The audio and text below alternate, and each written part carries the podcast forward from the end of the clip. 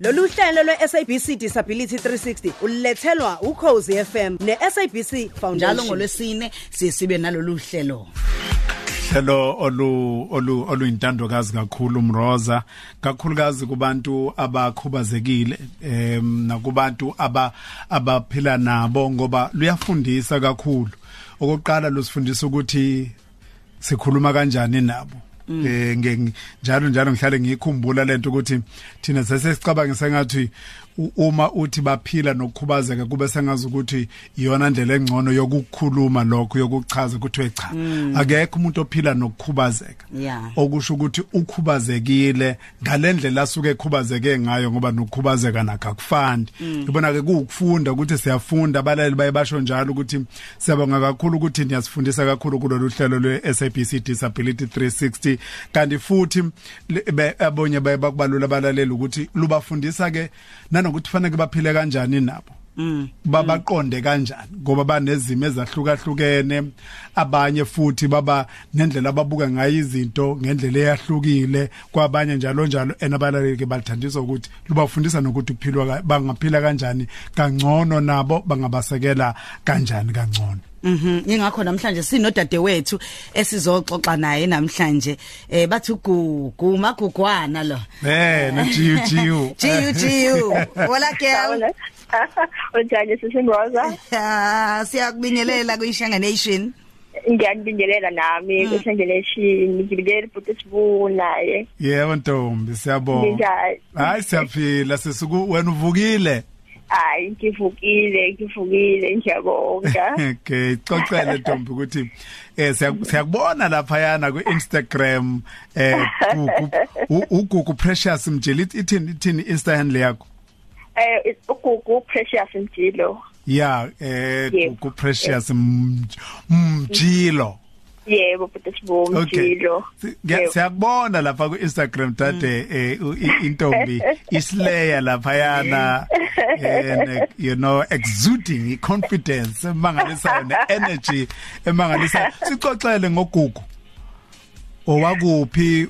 Uzalwapi njengoba ehleli kwi wheelchair uzalwe njalo noma walimala usinikeze nje kahle istory sakho ma? Ngibonge futhi sibu angibingelele wena okwesibili ngibingelele nakubalaleli bonke bokhozi Eh ugugu kahle kahle ngokuzalwa wazalelwa endaweni ekuthiwa yasehlokozi wakhulela khona waze waba na 12 endeni ekhaya bese be decide ke ukushintsha indawo. Manje sengihlala endaweni yakacele eScottsburg eSouth Coast.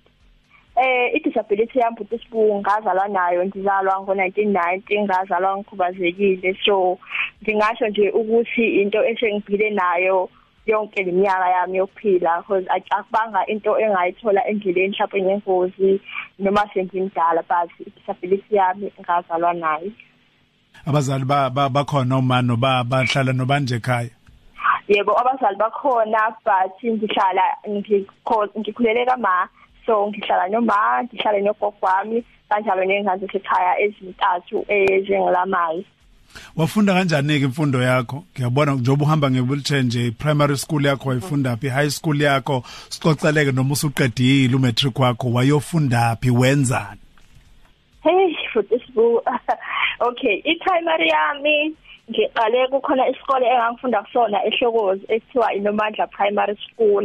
But lesi sikole futhi sibu akusona isikole sabantu abaphila nokhubazeko isikole nje sabantu abangakhubazekile abangalalutho. Kodwa uthisha omkhulu wakhona ngenxa yokuthi sasonta naye esontweni emaromeni.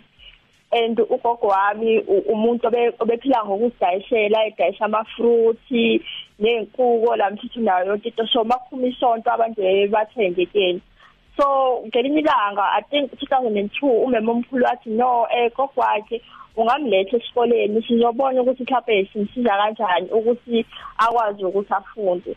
Lapho ngangakabi nayo le wheelchair so ugogo wathi okay bavumelana nomama omkhulu bahamba bayongibhalisa. Bathi ngenxa yokuthi wasekuphakathi neminyaka ngathi ngaqala ngonyaka olandela ngaqala ngo-2003 so ugogo wathi eh uzongihambisa yena esikoleni. Sibuye la ntambama the time mina ngisaseclassini uzobe ngidayisa ngaphandle edayisela ingane isikole nabantu abezekliniki ngoba isikole sasiseduze neclinic so saphila leyo mpilo nje unyaka wonke 2003 njalo ekuseni ugogo yangimelele sihamba sesikoleni siyabuya ntambama ngama weekend uyahamba uyo order high plate into zokudayisa kanjalo ngesonto sesoteni Monday to Friday siyahamba futhi sesikoleni. Ngaze ngawuphasa ngaqala ka grade 3 which is standard 1 ngolimi lesizulu ya standard 1 ngafunda ngawuphasa and then kwathi ngo-2004 ngahamba ngayo boarding school eHarding Special School. Ngafike ngafunda khona iminyaka emibili. Ngenza ugrade 4 no grade 5 but ngenxa yokuthi wakubiza ke futhi sibu uma wengasebenzi by then so kwaphoqeleka ukuthi ngibuye ngabuya nje esonkweni esonkweni primary yangasekhaya eKacela ngafunda khona grade 6 no grade 7 ngase nginayo i-wheelchair ngangithole eHarding School ngabuya nayo. Ngafunda ngaphasa ngahamba ngaye open air ngayokwenza interview khona. Ngayiphasa interview open air. Ey inkinga zeyimali ke yo. Kwakubiza kakhulu nanokuthi it's a private school so nje kwaba nzima. Ngaze ngabuyela back to i-high school yangasekhaya ekuzilesize high school ekuyiyona engiqale kuyona ngo-2008 ngaze ngaqeda i-matric wami khona ngo-2012 ekhaya behlala nokhazini wami omdala uyena obengisiza nje kakhulu ngendaba zokufunda njalo iseni engimeletha masesikoleni cause sasigibela amaveni omalume. And amaveni omalume akanaso ispace. Thola ukuthi kunebhenki abanye bahleli emabhentshini so washo drive ukuthi no eh ke sizosifaza ukuthi sibe nendawo ye-wheelchair so ngagibela kanjalo sisami engimeletha ngaze ngaqeda isikole bengisiza nabangani bami because ngase nginabangani high school bengisiza babuye bamshintsha isisami kanjalo kanjalo ngaze ngawuphasa matric then 2013 ngeza e-UKZN kazoqala i-degree yami yokuqala le ngayithola ibasari ngathola uNSFAS waba ibasari ngafunda i-degree yami ngakwazi ukuyiqeda on time ngaqeda in 2015 degree 2016 ngenze honors wenza ini le junior degree yakho yini obuyenza? Eh i-junior degree yami bekuyi government business and ethics bengimajor nje nje political science sengisho yona ukuthi ubuwenza yiphi degree? Benyenza i-government business and ethics Butisbo ifundo leza ngithi? Yeah no igama le degree oh, government business. Yes i degree kahle kahle isiphithekile ngamanye amazwi ukwazi ungena eminxeni eyahlukene esayidini la government ngiyawazi ungena kanjalo nawo business sector futhi ngiyakwazi ukuthi ngingene khona through ukwenza i-degree eyodwa kodwa. I-degree evulela iminyango eminingi kodwa kube kuyi-degree eyodwa i-degree kanjalo okay wasiwenza i-honors ke kuzo lezo ifundo yes ngabe sentensi i-honors kwi-international relations ofuthi nayo mawuyibukisisa icishe ithi ayibe ipolitiki kodwa ayisiyona ipolitiki kahle ukuthi ifocuse endabeni ze-international relations yona. Okay. Waqeda waqeda ke i-honors yakho? Ngaqeda i-honors yami ngaqala i-masters ofuthi ngizoyiphothula ngalonyaka njengoba siku-first semester nje ngikuma ngikustage sokugcina sokuqeda cause sengenza ama-correction and then hoping ukuthi next semester sizokwazi ukuregister i-PhD Hmm Hayibo lomuntu akamile. Kusho njengoba sinodokotela nje izolo osanda qualify soon sobe sesina nalo dokotela udokotela uGugu Precious Mjilo. Hayi nginikeza 3 years nje futhi sibu after that hayi. Sizobe sengudokotela.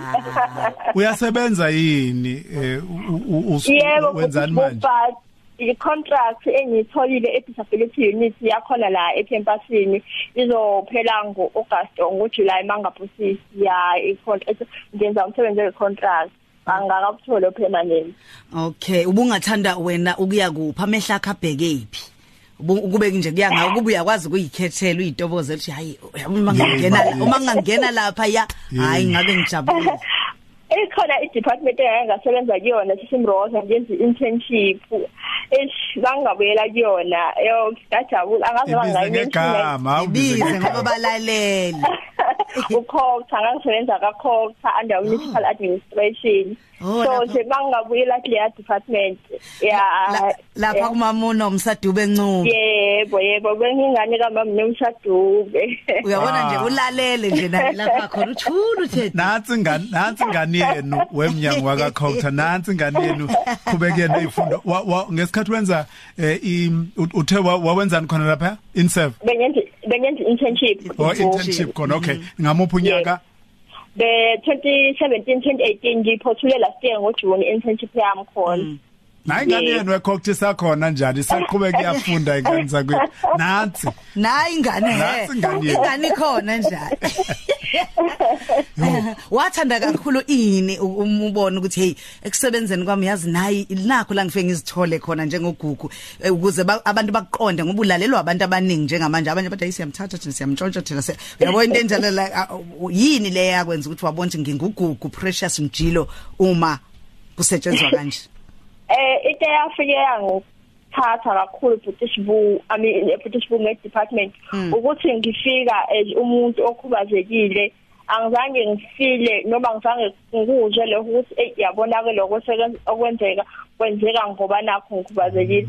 For example sisimboza uma kuthiwa kufunakala umsebenzi bengeke uze kushiwo kuthiwe ayi bandla miyekeni yena ikhubazekile yabo uthatha kancane noma uzokwenza kancane. Mhlawumbe makufunakala i-submission makufika i-deadline u-11 u-11 kuwona wonke umuntu. Makuthiwa kusicela i-submission sicela i-submission. But ngaphandle komsebenzi ukuzwa wamukelekile usebenza nabantu abakuhloniphayo nabakukhombisa ukuthanda ngaso sonke isikhathi. Ikona okwangenza ngakhula nje because even abantu even abantu ade ngisebenza nabo ngakhuliseka kakhulu mangabe kuza endabeni yokusebenza ngaqonda ukuthi kahle kahle umuntu mangabe usungasekho esikoleni ungasekho university ungasena umfundi but usuke environment yokusebenza yini elindeleke kuwena njengomsebenzi? Nangasiphi isikhathi ilindeleke ngasiphi isikhathi? From indlela yokugqoka indlela yokuzirepresenta indlela yokukhuluma indlela yokwenza izinto ulindeleke ukuthi wenzeni njengomuntu especially thina abantu esabasha yini esifika nayo esiphuma nayo ema university mangabe umphathi ethi hayi ake ngihlehle mina ake wenze wena ufuna ukuthi uproduce into enjani egcineni kosuku and ngangikwazi okunye ukuthi ngiproduce abuye umphathi athi hayi siyabonga wenze kahle la sicela ukuthi ngisho ama service la sicela ukuthi wenze lokhu la so nje kwangijabulisa kakhulu ngabona ukuthi oh okay sengifundile manje sengifundile but then yini enye esengikwazi ukuyimplementa noma esengikwazi ukukhombisa ukuthi since sengifundile nakho mina ngiwumuntu okanje kanje kanje nemfundo yami Yey. Ngithanda nama hashtags akho the highly favored hashtag the highly favored hashtag the disabled kid hashtag the the queen eh the uyabona nje ngane kagogo. Oh ugogo udlala ambonakalise umuntu ojabule kakhulu futhi ongakhathazeke ngalutho. No Neko. injalo impi- injalo impilo but sibu ukuthi ekukhubazekeni enezimathe sihlangana neyingqinamba usuku no- nosuku but kubalekile ukuthi uembrace obukhona bwaNkulunkulu because for a fact that uvukile uyaphefumula njengalo omunye umuntu khona ukudla etafuleni. Baningi abantu abafuna ukuba la ngikhona mina and lokho kumele ngi- ngihlezi ngiqhakambisa ngihlezi ngikhombisa ukubonga because uNkulunkulu kwazi ukuthi ahambe nami engisusa le ngisusa khona kwaze kwa ukuthi ngila and namanje through ifaith ngiyabona ukuthi khona lesandisa khona usafuna ukuthi ngibe umuntu ongcono ngaphezulu kwaloko engikona so kubalekile ukuthi okwenzekayo usuku nosuku uthi nje baba ngiyabonga. Hayi ukuthi uthi ephansi uthandaza ukhala but even if uhamba indleleni ithi baba ngiyabonga lokhu kwenzeke ngentando yakho ngiyabonga. Sengicela ukuthi ungenzele u1 no2 no3 ngiphila ngaleyo modisi mina yo. No sithi siyabonga kakhulu kube mnandi ucoca nawe. Ugogo usekhona yini bakithi? Ngiyamcabanga nje ugogo eze eyithwesa umthwalo nje ongakwa umthwalo wokuba umzali akubelethe insuku Uyacabanga, insuku nosuku. uyacabanga. usekhona ugogo? Yebo usakhona but sibuka angisho ulalele njengamanje because akahlukani nerate Usisi- angisho ngihleli Oh, isofa man. wakhe ulalele ugogo. Usisi ke lona naye futhi owaye kubeletha futhi uphi uphi yena? Yebo usakhona naye kodwa akekho ekhaya njengamanje ukwelinye ikhaya ehlokozi usakhona nawe uyaphila but sibuka hayi uyisibonele sihle ngoba uma ngabe Ngiyabonga, e- emndenini ku- ku- ku- kufika ingane eh kujabula wonke umuntu. Mase kubonakala ukuthi hawu ikhubazekile abantu Hey, bethi dedele hey, hey, ngiyazi abanye sebe hawu uyosho uyoshadaphi uyayizwa lezi izinto ejayele ukubuzwa ukubuzwa leyo nto. Abanye baze bakubuza sayibo uphila kanjani kodwa? Uyenza kanjani? Impilo nje ukuthi belula ubuze ukhubazekele nkosi yami. But ke ya uNkulunkulu emuhle silala sikhona namhlanje sisimrose bengazi ukuthi unga- ungakusasa kungazwakala kuthiwa nje impela masithi kwakuhle kwethu kuthiwa hayi ziyawushaya amamjili oh uzoshaya impela. Futhi ke sizowushaya ke Futhi zizoshaya. ngoba phela uNkulunkulu njalo. uNkulunkulu akabheki ibuso bamuntu uNkulunkulu Yeah. letha isibusiso sakhe kumuntu wakhe kube kuphela. Hayi ngoba usushilo bhuti sibuhayi ke usengafika nomunyini umkhwenyana. Simlindele konze ekhaya ke Ngizomyela. ntombi bingelela ogogo laba ubabingelele noma bese siyavala. Okay ngicela ukhonza gogo wami uMadlamini lapho eSportbet acele amsho gogo lalele nabo makhelani bami bonke ngiyakhonza nakuma bangani bami. Wonke nje umuntu owazi ukugumdilo ngiyakhonza ngiyanisanda kakhulu ngiyabonga. Yazi ngendlela i- o- o- o- bayibathi mood ngendlela umuzwa wakho ohlezi ujabule ngakhona uyasileya ku Instagram u- Yebo. uyabona nje izama caption akhe izinto Yebo. oyibhalayo ugqoka kahle ustylish uyiyo yonke into ukuchazela leyo kusileya yazi ukuthi yindaba yabona mukhubazekile abantu behlezi benefiye or benosaba towards wena umuntu okhubazekile so eh, into engazama ukuthi ke uattract abantu in a way ukuthi nawe ukwazi uba nabangani nabantu ukuthi bakhululeke eduze wakho at least zwana namanzi nje. Zwana namanzi ube clean Nge- ngayo yonke indlela ongazama ngayo. Awukuthi ungithenge izitolo ezibizayo kodwa lokho okuncane onakho uqhobe nje kahle ukhombisa ukuthi hayi ngumuntu esifazane nami ngiphila njengawo bonke abantu ngiphila nabo bonke futhi abantu emhlabeni. So, nje, Kuyalalela ngibona nabantu abakulandelayo ojumbo omafresh obani bana bonga. Yebo. eh osazwayo abakhulu bakulandela yebo girl i know. Eh neshiya lakho lileyo nto nje lihleze li on flick. Wena na?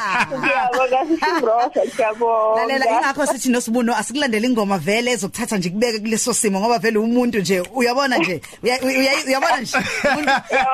Ungabona wenzani umroza la Uya- uya- uyangizwa nje uma ngishaya ithupha kanje. Ungivitalizela yena futhi. Sibone I'm telling you. Sikulandela Hey. Chaka Kenneth. I'm every woman. Oh ngiyobhenga ke manje. Ofisa Yizwa leyo bagugu siyakuthanda kakhulu yeza.